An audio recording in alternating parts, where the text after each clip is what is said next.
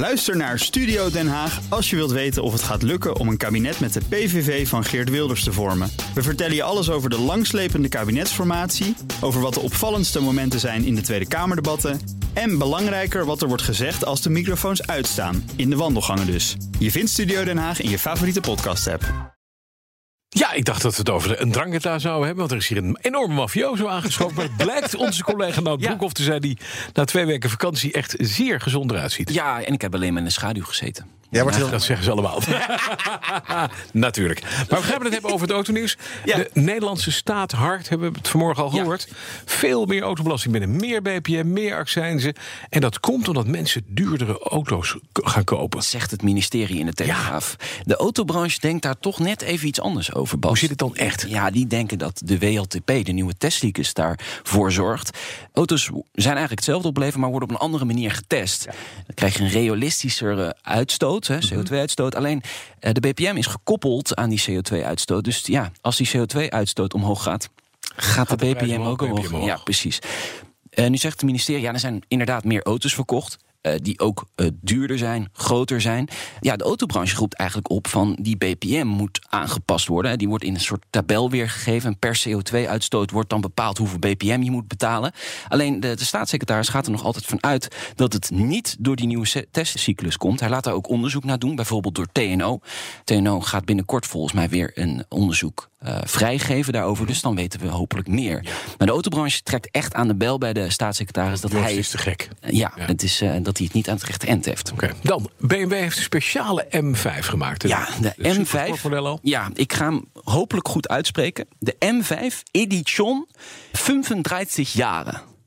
Edition 35 Ja, mooi? Ja, ja, ja, We mooi hebben seit Duits, ja. 35 jaar hebben we Ja. schon een M5. Je kunt wel zien dat ik aan de, de, de- de Duitse grens ben opgegroeid. Zo, dit is de vijfde generatie uit mijn hoofd. Ja, zoiets, weet ik veel.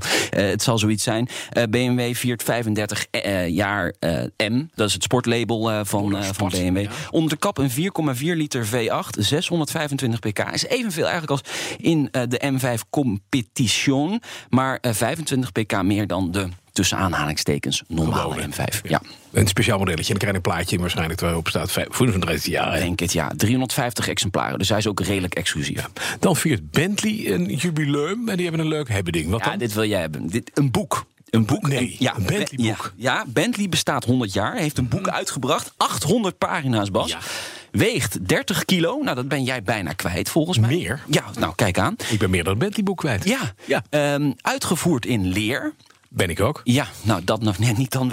Drie edities komen ervan uit. En de duurste editie, Ja, daar komen er zeven exemplaren van. Ja. Die kost 260.000 dollar. Duurder dan een Bentley. Bentley. Ja. Voor een boek. ja, voor een boek. Oké. Gekhuis. Helemaal idioot. Maar Ja. Rolls-Royce, hè, de tegenhanger van Bentley, heeft ook een leuk verjaarscadeautje. Ja, eh, als we dan toch bezig zijn. Een champagnekoffer, eh Bas. heb ik- die Gemaakt. Ja. Altijd al gedacht, dat moet ik hebben. ja, gewoon voor achter in je deusje over. Tuurlijk. Ja. Ja, gemaakt van aluminium en koolstofvezel. Afgewerkt met leer, uiteraard natuurlijk. En eikenhout. En eh, wel leuk dat Rolls-Royce er nog even bij zegt... ja, je hoeft het niet alleen te gebruiken voor in, achter in je auto. Kan ook gewoon voor in de tuin in de villa. En wat kost die? 42.000 euro. Oh, dat is voor niks. Ja, dat is voor niks. Als je het Dat is Bentley maar, boek... iets, iets precies. Dit is een, Bijna drie ton, is ja. 20% van een Bentley-boek. Je, kan, je kan vijf champagnekoffers kopen hè? tegen één Bentley-boek. Zet Rolls-Royce. Dat Ja. wordt een beetje een, eh, beetje een burgerlijk dingetje. Ja, budget, Nou, nog even slapen bo- bovenop je Land Rover. eh Defender uiteraard. Hè. Wie Ja. wil dat niet? Op dat aluminium dak en dan op zo'n rekje. En dan in de Serengeti. Of gewoon leuk, ja. eh, Valkenburg Noord. Hè, Ja, dat kan ook, ja.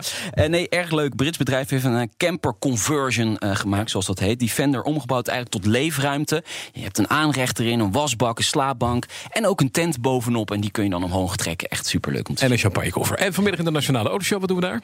Hans Hugenholz junior is de gast. Die ken je natuurlijk wel. Eh, De zoon natuurlijk van de oud-directeur van eh circuit Zandvoort. Hij kan zelf ook echt lekker racen. En hij is eh, vicevoorzitter van de KNAF, de Koninklijke Nederlandse Autosportfederatie. Precies. Gaan we natuurlijk over de Dutch Grand Prix hebben.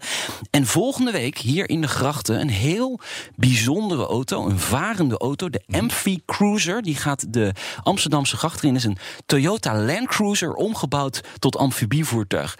Van Nederlandse makelij. Hartstikke leuk verhaal. Dat moet mooi zijn. Dat moet je vanmiddag even horen om drie Zet je uur. lekker af in het geluid van de Nationale Autoshow om drie uur vanmiddag. Zeker weten.